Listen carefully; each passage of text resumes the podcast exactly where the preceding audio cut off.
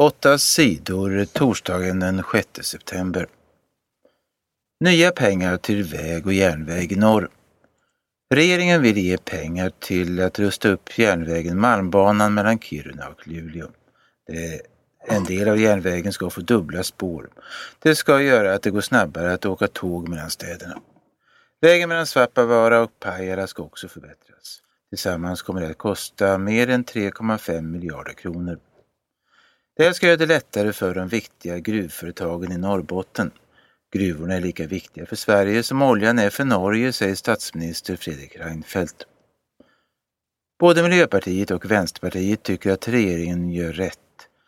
Äntligen händer det något bra, säger Stina Bergström i Miljöpartiet.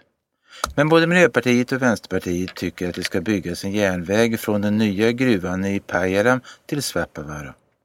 Regeringen borde i alla fall sagt att den skulle vilja göra det i framtiden, säger Siv Holma i Vänsterpartiet. Åtta sidor TT.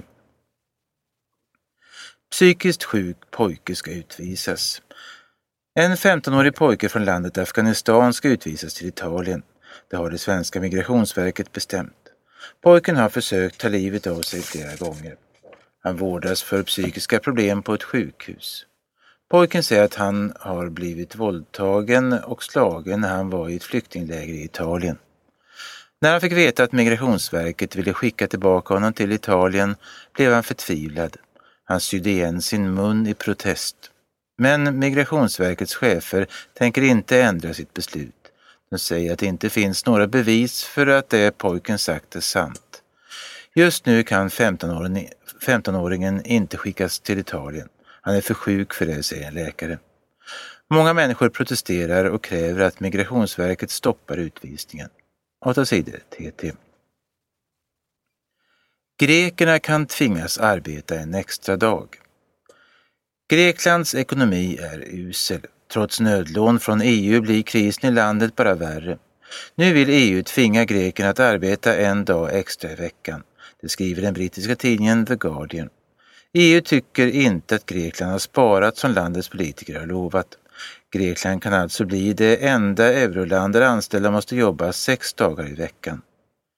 EU hotar att sluta ge pengar till Grekland om inte den grekiska regeringen gör som EU-ledarna vill. Den grekiska regeringen är i ett svårt läge. Om regeringen gör som EU kräver kan det bli stora demonstrationer och bråk i landet. Lån kan bli billigare. Det kan bli billigare att låna pengar. Statens bank, Riksbanken, sänkte på torsdagen räntan. Det kan betyda att de vanliga bankerna också sänker räntan. Räntan är avgiften den som lånar pengar får betala. Riksbanken sänker räntan för att människor och företag ska våga köpa mer saker. Då går det bättre för företagen och fler människor kan få jobb.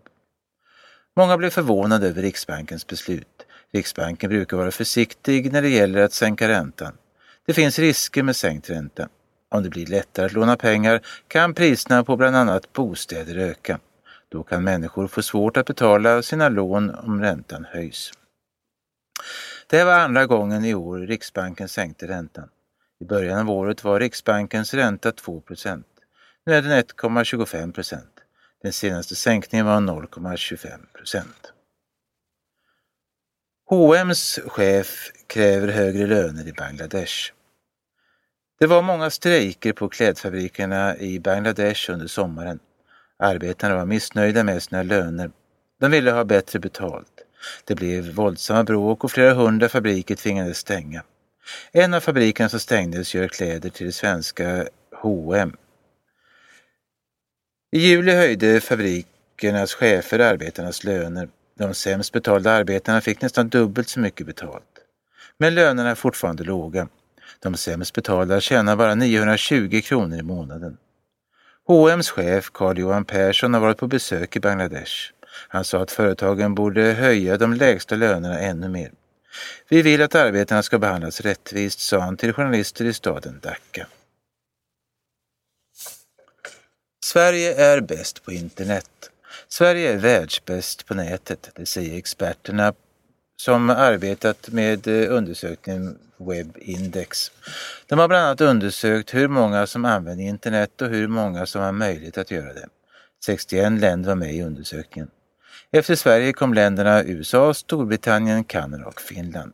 8 sidor TT. Många döda i olycka i indisk fabrik. Minst 30 människor dödades i en olycka i södra Indien på onsdagen.